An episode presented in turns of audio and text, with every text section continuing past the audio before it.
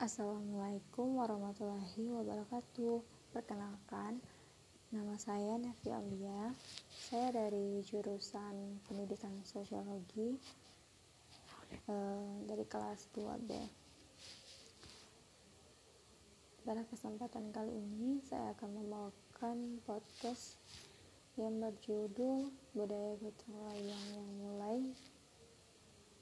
Hmm, ya. Berdasarkan data dari Komisi Perlindungan Anak Indonesia atau KPAI, angka tawuran di Indonesia kian meningkat dan naik 1,5 persen. Pada tahun 2017, angka tawuran sebanyak 12,9 persen. Namun, di sepanjang tahun 2018 lalu, naik menjadi 14 persen.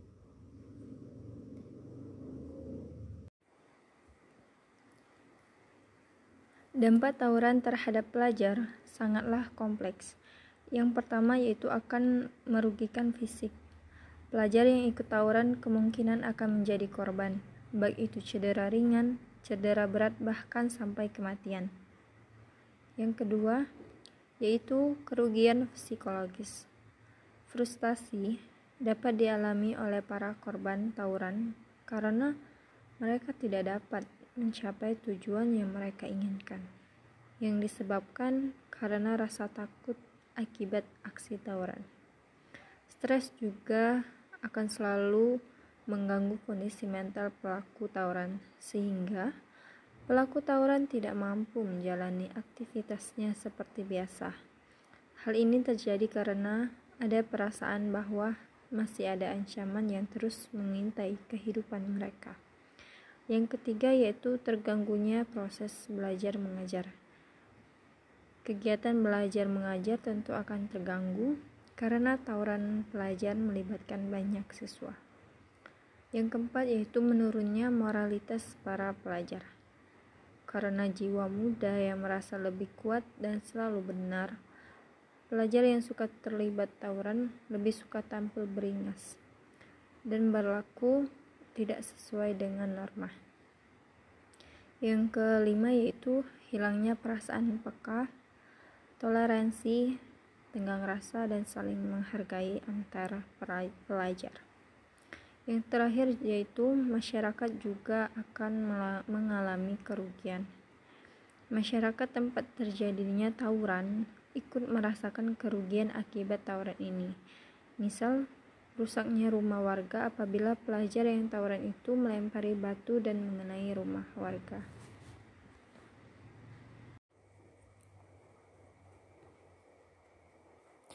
Berdasarkan data dari Komisi Perlindungan Anak Indonesia atau KPAI, angka tawuran di Indonesia kian meningkat. Pada tahun 2017, angka tawuran sebanyak 12,9 persen pada tahun 2018 naik menjadi 14 persen. Kemudian pada tahun 2019 naik menjadi 15,5 persen. Dan pada tahun 2020 sampai 2021 kasus tawuran pelajar juga masih sering terjadi. Terdapat beberapa kasus tawuran yang terjadi di masa pandemi seperti di Jakarta, Bekasi, Sumedang, dan daerah lainnya. Hal ini menunjukkan bahwa tingkat tawuran pelajar di Indonesia masih sangat-sangat mengkhawatirkan.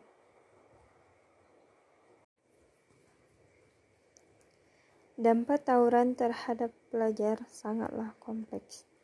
Yang pertama, kerugian fisik. Pelajar yang ikut tawuran kemungkinan besar akan menjadi korban baik itu cedera ringan, cedera berat, bahkan sampai kematian. Yang kedua yaitu kerugian psikologis. Frustasi dapat dialami oleh para korban tawuran karena mereka tidak dapat mencapai tujuan yang mereka inginkan, yang disebabkan karena rasa takut akibat aksi tawuran. Yang ketiga yaitu terganggunya proses belajar mengajar. Kegiatan belajar mengajar tentu akan terganggu karena Tawuran pelajar melibatkan banyak siswa. Yang keempat yaitu menurunnya moralitas para pelajar karena jiwa muda yang merasa lebih kuat dan selalu benar. Pelajar yang suka terlibat tawuran lebih suka tampil beringas dan berlaku tidak sesuai dengan norma. Yang terakhir yaitu masyarakat sekitar juga dirugikan karena masyarakat tanpa terjadinya tawuran ikut merasakan kerugian akibat tawuran ini. Misal, rusaknya rumah warga apabila pelajar yang tawuran itu melempar batu dan mengenai rumah warga. Indonesia merupakan negara yang kaya akan keberagaman bangsanya. Keberagaman diciptakan bukan untuk saling menyisihkan. Keberagaman diciptakan bukan untuk diperdebatkan. Namun, keberagaman tercipta untuk saling melengkapi dalam kehidupan. Dalam negeri yang beragam ini, Toleransi wajib kita junjung tinggi. Saling menghargai menjadi kunci bagi bangsa ini, agar damai selalu menyelimuti negeri kami.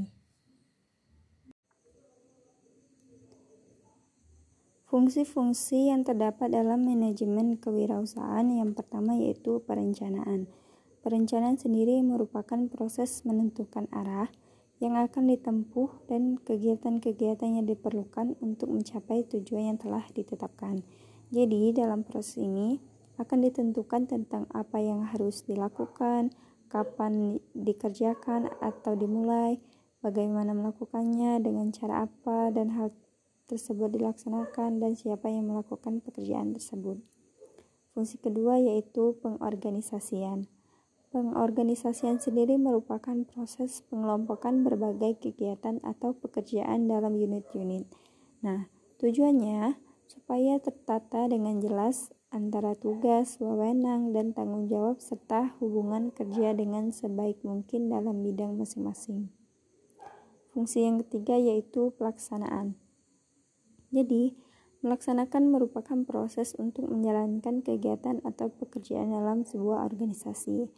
Nah, dalam menjalankan organisasi, para pemimpin atau manajer harus menggerakkan bawahannya untuk mengerjakan pekerjaan yang telah ditentukan dengan cara memimpin, memberi perintah, memberi petunjuk dan motivasi.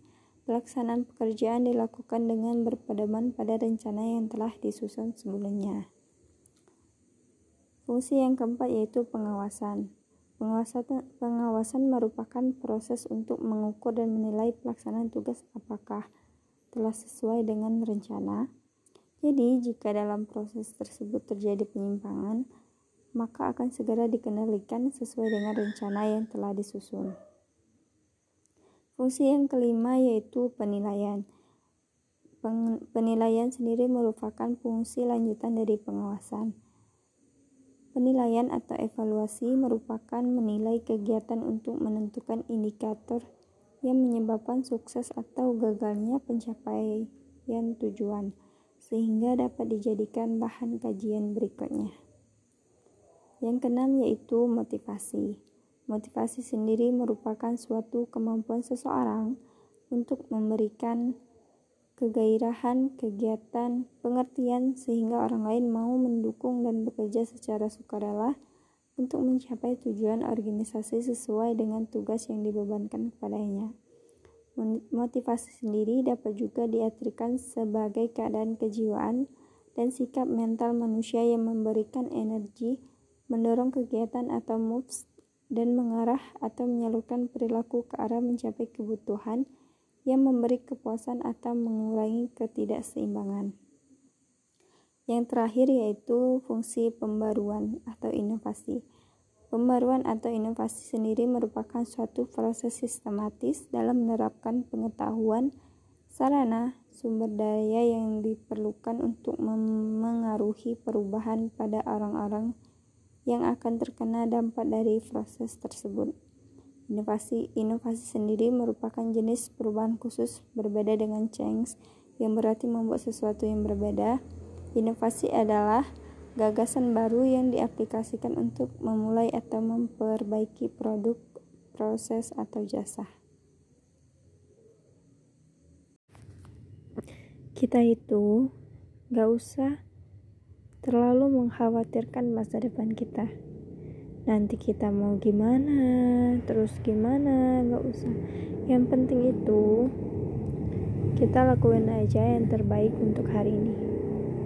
Karena kita juga nggak tahu besok kita masih hidup apa enggak yang ada jika kita terlalu memikirkan masa depan kita yang terlalu jangan terlalu gitu. Maksudnya harus dipikirkan juga tapi jangan terlalu berpikir gitu. Nanti yang ada kita itu akan overthinking jadi banyak pikiran. Terus yang akhirnya sekarang yang yang sekarang kita jalani kita nggak uh, melakukan yang terbaik. Yang sedang kita jalani itu kita malah tidak melakukan apa-apa. Padahal harusnya kita itu melakukan yang terbaik untuk hari ini. Kalau masalah besok itu bagaimana bagaimana itu sudah diatur dengan Allah. Jadi intinya gini eh, lakukanlah yang terbaik untuk hari ini. Masalah besok atau masa depan itu serahin aja sama Allah. Keberagaman merupakan hal yang sangat dekat dan melekat bagi masyarakat Indonesia.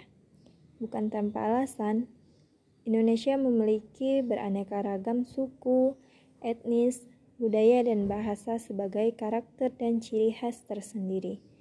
Dengan begitu, tidak heran jika sikap toleransi ditanamkan pada seluruh masyarakat dan anak-anak sebagai penerus bangsa.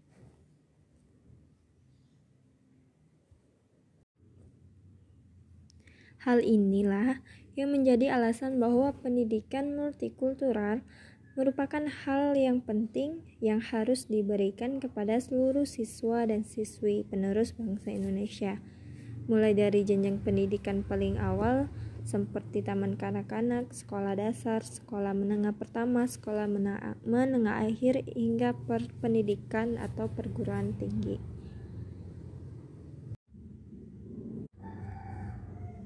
Pendidikan multikultural ini diberikan dengan tujuan supaya dapat menjelaskan pentingnya menjaga nilai-nilai keberagaman yang ada di Indonesia serta menegakkan sikap toleransi.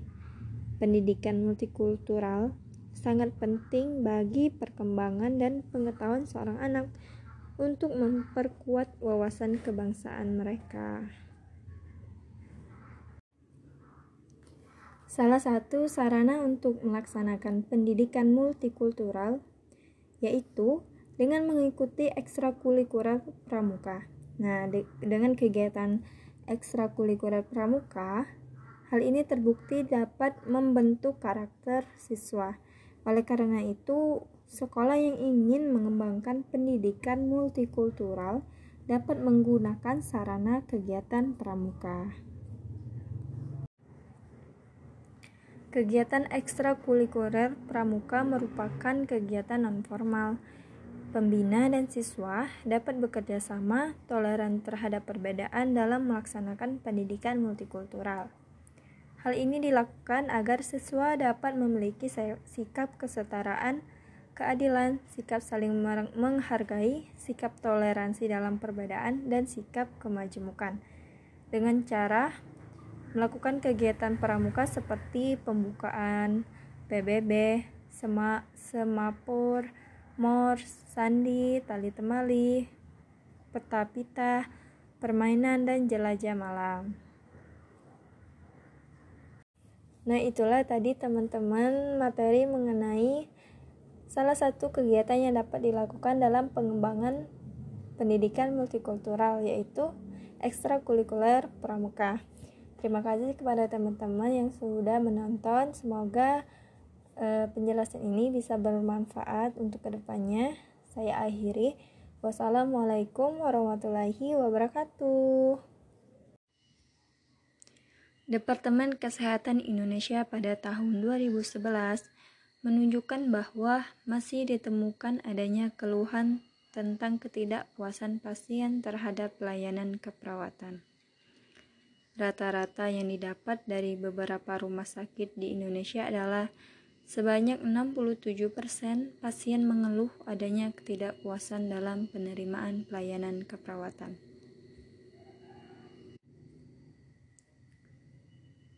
Pengukuran mutu sebuah pelayanan dapat dinilai melalui perasaan puas dari pasien maupun keluarganya atas pelayanan kesehatan yang telah diberikan.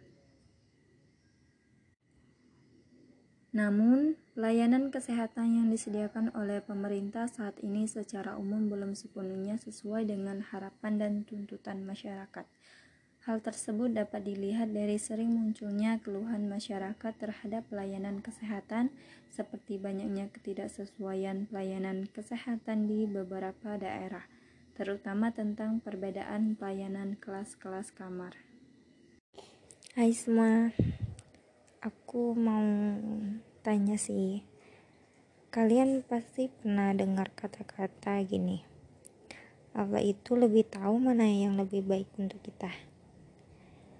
Yang kita kira itu baik belum tentu itu baik untuk kita bagi Allah. Misal kita itu berharap pada sesuatu gitu tapi di luar harapan kita di luar ekspektasi kita pasti kita tuh kayak kesal gitu ya.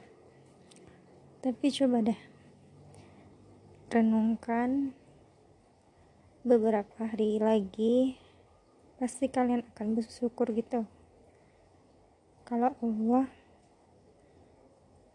itu maksudnya tuh pasti kita akan bersyukur ketika Allah mematahkan ekspektasi kita terkadang ya sakit hati itu atau patah hati itu menyadarkan kita kalau kita nggak nggak harus maksudnya nggak perlu gitu berharap kepada manusia.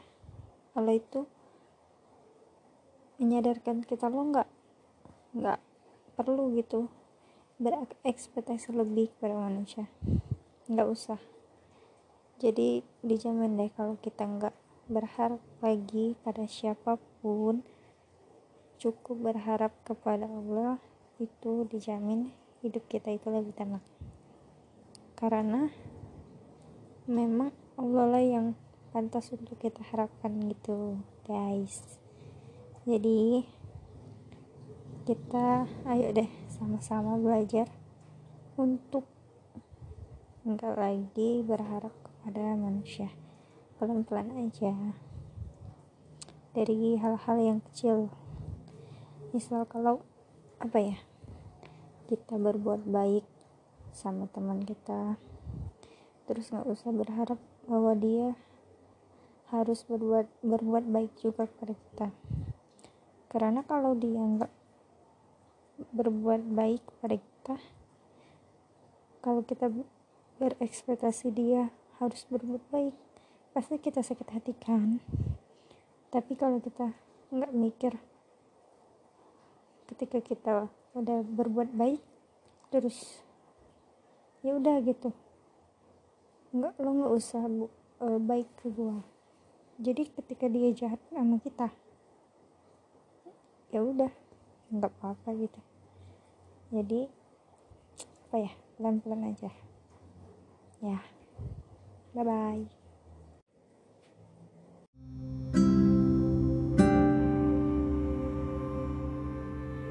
Hai semua.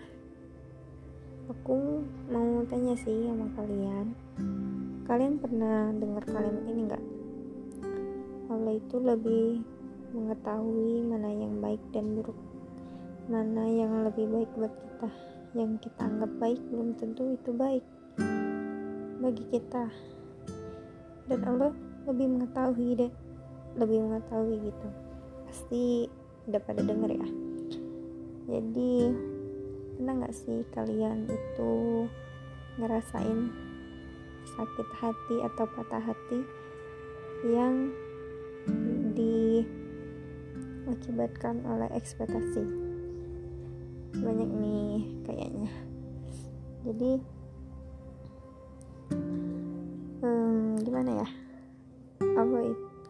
memberikan kita sakit hati atau patah patah hati itu untuk menyadarkan kita kalau kita itu nggak perlu berharap kepada manusia gitu. Cukup berharap kepada Allah. Misal misal nih kan kita punya teman terus kita berbuat baik berbuat baik kepada teman kita karena kita tuh udah sayang nih sama dia udah ngerasa uh, kalau dia perlu gue harus bantu gitu. Jadi kita berbuat baik kepada teman kita. Nah pastikan kalau kita berbuat baik tuh sama teman kita tuh kalau kita lagi perlu dia harus ada juga gitu buat kita. Tapi kalau dia nggak gitu sakit hati kan? Nah jadi gini salah berarti rumus kita itu selama ini kalau kita udah berbaik sama teman kita ya udah nggak usah dibaikan balik gitu. Biarin. Biarin nggak apa-apa. Itu cari aman untuk kesehatan hati kita jiwa kita. Kita uh, lebih baik itu berbuat atau ber, eh berharap kepada Allah jadi gitu sih. Semoga bermanfaat. Bye bye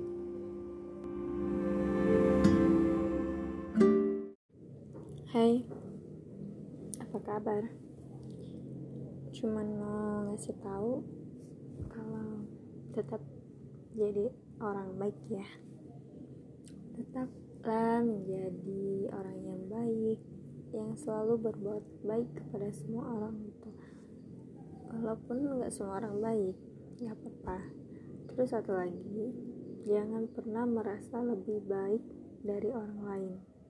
Itu jangan jangan pernah ngerasa itu. Ini remember juga buat aku. Karena kalau kita ngerasa lebih baik itu kita udah sombong itu udah fatal. Jadi cepat-cepatlah untuk beristighfar sama Allah ya.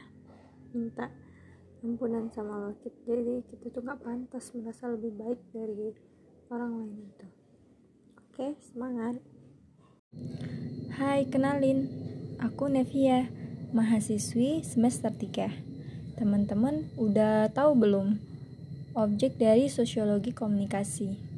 Apa aja ya? Yuk, kita cari tahu bareng-bareng. Jadi, objek sosiologi komunikasi itu terbagi menjadi dua, yaitu objek material dan objek formal. Objek material merupakan manusia itu sendiri, yang menekankan pada aspek aktivitas manusia sebagai makhluk sosial yang melakukan aktivitas sosial yaitu proses sosial dan komunikasi. Nah, kalau objek formal dari sosiologi komunikasi itu apa aja ya? Jadi yang pertama itu ada telematika dan realitasnya, efek media dan norma sosial baru, perubahan sosial dan komunikasi, masalah sosial dan media massa, cyber community dan yang terakhir yaitu aspek hukum dan media bisnis. Hmm, apa ya maksudnya? Oke, biar kita mudah memahami dari objek formal ini, kita contohkan saja tentang K-pop. Teman-teman pasti nggak asing lagi dong dengan K-pop. Apa teman-teman termasuk fans K-pop? Kita akan bahas satu persatu. Yang pertama, telematika dan realitasnya. Kita tahu bahwa saat ini hampir seluruh manusia itu memiliki alat atau teknologi untuk mendapatkan informasi dengan mudah dan cepat. Penyebaran gelombang Korea saat ini sangatlah mudah melalui media sosial. Jadi artis-artis Korea atau idol Korea ini mereka akan mempromosikan diri mereka tentang kegiatan mereka melalui akun media sosialnya. Begitu pula dengan fans atau penggemar K-pop. mereka akan mem memviralkan idol mereka melalui media sosialnya. Terus yang kedua yaitu efek media dan norma sosial baru.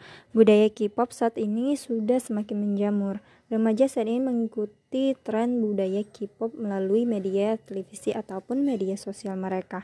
Hal ini menunjukkan bahwa dampak dari perkembangan teknologi. Budaya K-pop juga mempengaruhi gaya berpakaian para remaja. Yang ketiga yaitu perubahan sosial dan komunikasi. Media sosial saat ini banyak diminati oleh orang-orang. Sudah banyak komunikator yang menggunakan media online untuk menyampaikan pesan. Akibatnya media cetak mengalami penurunan karena banyak orang-orang orang yang berpindah ke media online. Contohnya yaitu fenomena K-popers ini yang disampaikan atau disebarkan melalui media online. Yang keempat yaitu masalah sosial dan media massa.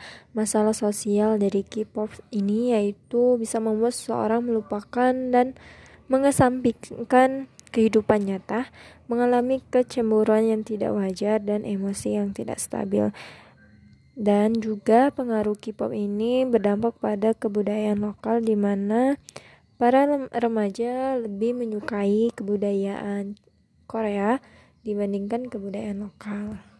Terus yang kelima yaitu cyber community. Jadi eh, orang-orang yang menyukai K-pop ini mereka membentuk kelompok sesama penyuka K-pop yang menjadi tempat bertukar informasi segala hal tentang K-pop yaitu drama, artis, makanan dan lain sebagainya. Dan yang terakhir yaitu aspek hukum dan media bisnis.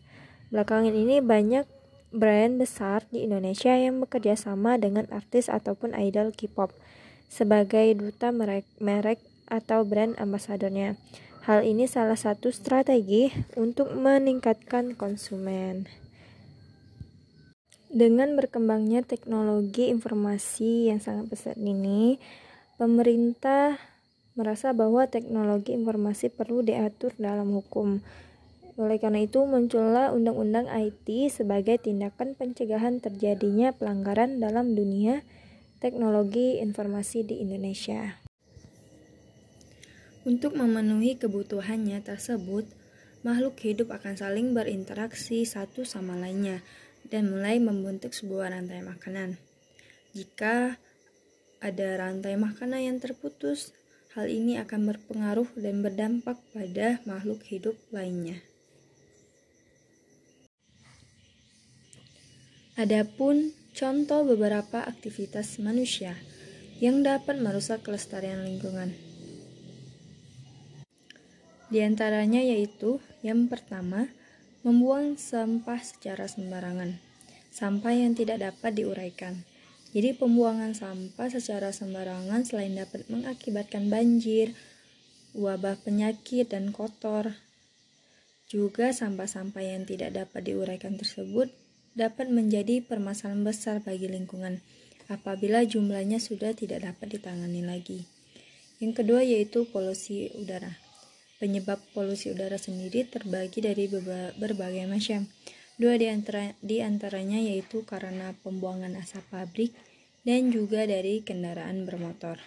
Orang yang memiliki mobil secara tidak sadar mereka sudah menyumbangkan emisi karbon di udara karena pembakaran bahan bakar di dalam mesin yang menjadikan polusi. Dan yang ketiga yaitu emisi karbon dari pesawat terbang. Nah, pesawat terbang memancarkan lebih banyak emisi karbon ke udara dibandingkan mobil. Dari emisi karbon tersebut, maka dipercaya menjadi satu penyebab munculnya pemanasan global. Selain itu, rekayasa lingkungan juga bisa diterapkan untuk mengurangi pencemaran udara. Misalnya saja, dengan memberikan solusi terhadap sumber polusi di industri, minimal dengan terlebih dahulu mengolah polusi yang akan dikeluarkan ke alam sehingga memenuhi syarat atau baku mutu. Adanya rekayasa sosial yang berkaitan dengan lingkungan ini tentunya dapat menjadi alternatif untuk menyelesaikan permasalahan lingkungan. Oleh karena itu, rekayasa sosial dapat berdampak positif berupa suatu tindakan intervensi di mana tujuan utamanya adalah untuk mewujudkan suatu lingkungan biofisik dan kondisi manusia yang lebih berkelanjutan dan lebih layak lagi. Salah satu tempat singgah sana manusia yang paling berharga adalah alam semesta. Lingkungan yang aman, nyaman, dan damai keberadaannya. Lengkap terhadap berdirinya insan manusia.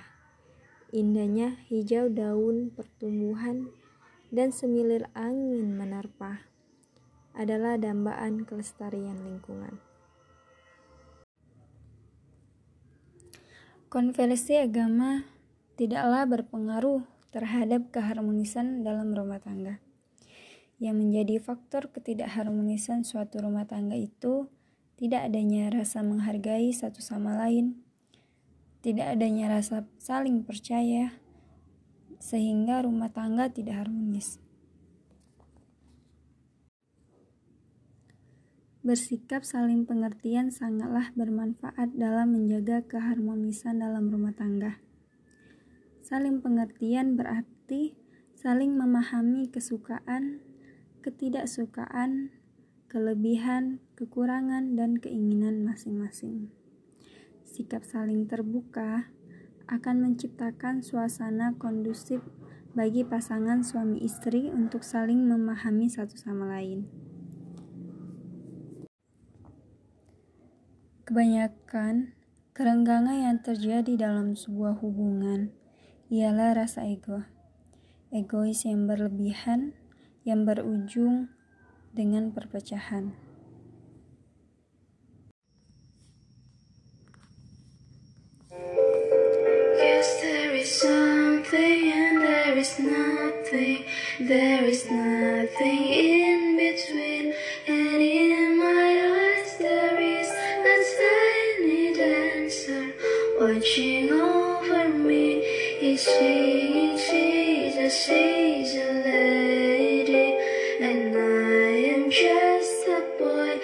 Is she's a, she's a lady. And I'm just a line without. Oh, baby, I'm alright when I'm without you.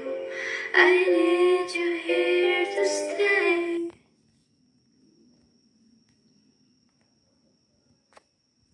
Udah.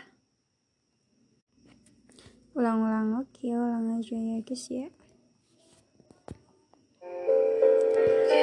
There is something and there is nothing.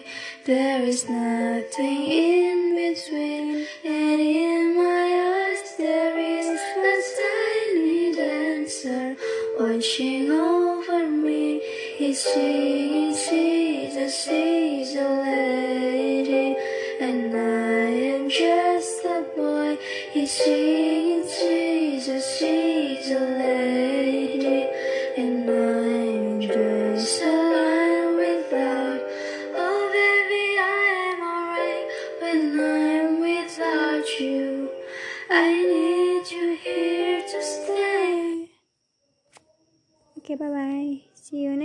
Next, next.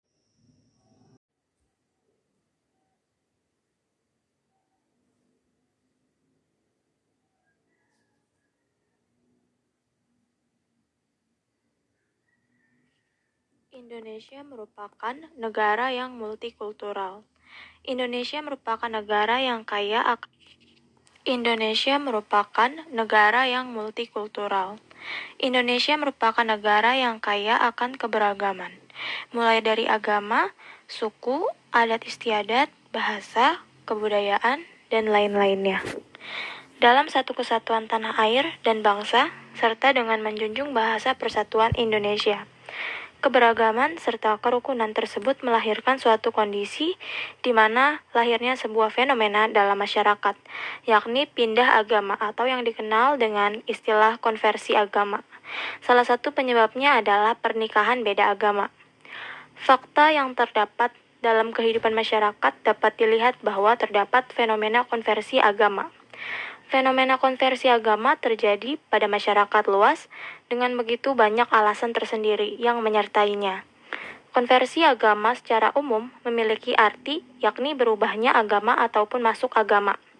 Konversi agama merupakan istilah yang pada umumnya diberikan untuk proses yang menjurus kepada penerimaan suatu sikap keagamaan.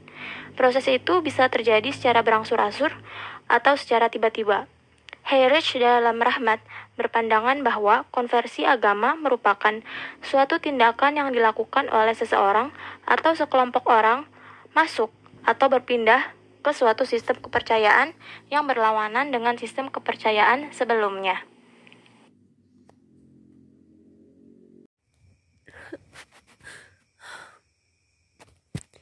kenapa ya udah ada ada kawan yang tempat curhat itu cak karena aku tuh dikit tapi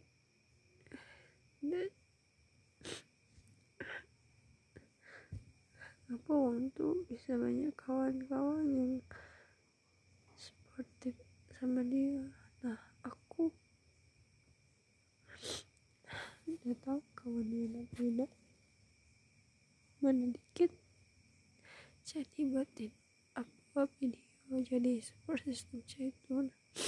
Apa tuh bisa? Dapat itu. Dapat kasih sayang dari teman. Mungkin dari boyfriendnya. Juga pacar juga orang juga gitu nah aku udah katain curhat deh ini udah aku rekam deh be sama Allah itu be kadang tuh pas curhat sama kawannya bukannya itu malah ada nasib katanya gitu bukannya dengan tapi kok ada nasib tuh capek. Aku penasaran. Dulu tuh kan sebelum dilahirkan nih Allah tuh nanya dulu ya sama itu tuh Ca Ca ini nah kehidupan kau tuh galak dah waktu lahir di dunia hidup di dunia tuh. Ditanya sampai 77 kali nah tapi aku tuh masih mandang nah hidup di sini apa nih kebagian yang Allah nampakkan sehingga aku tuh gak hidup di dunia ini. Mana ya? Dan aku kuliah.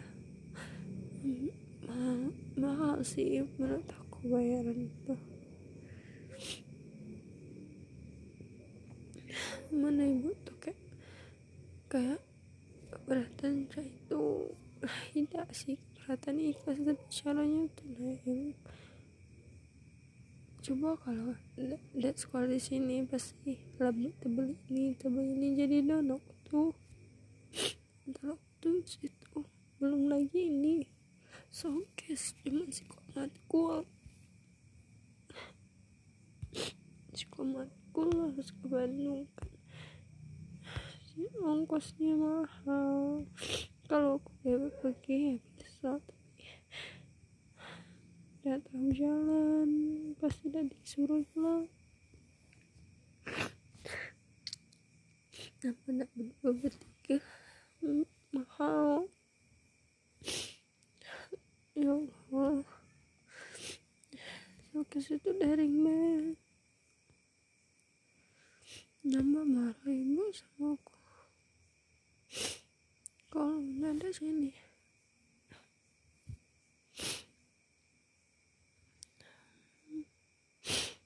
Terus kalau cowok kate dulu ada yang deket. Tapi tapi kalau ada aku ada masalah atau minta tolong itu sih minat itu jadi apa nih ada sayang dikit. Adalah semua lah.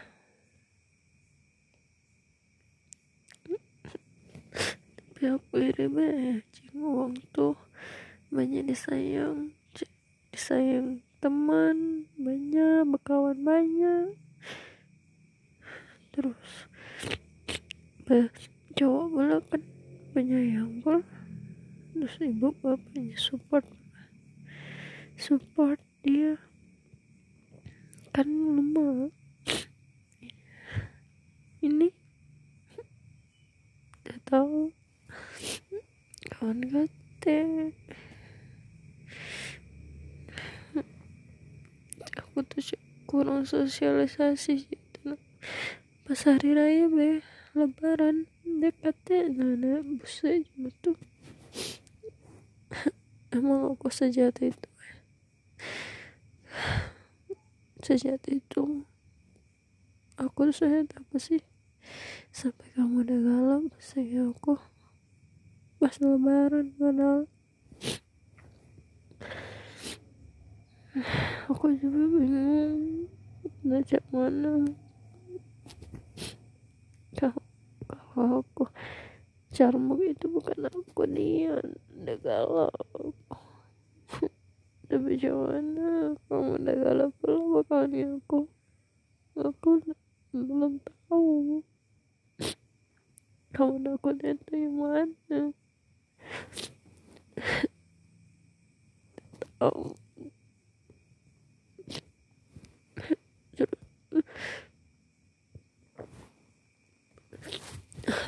Yeah.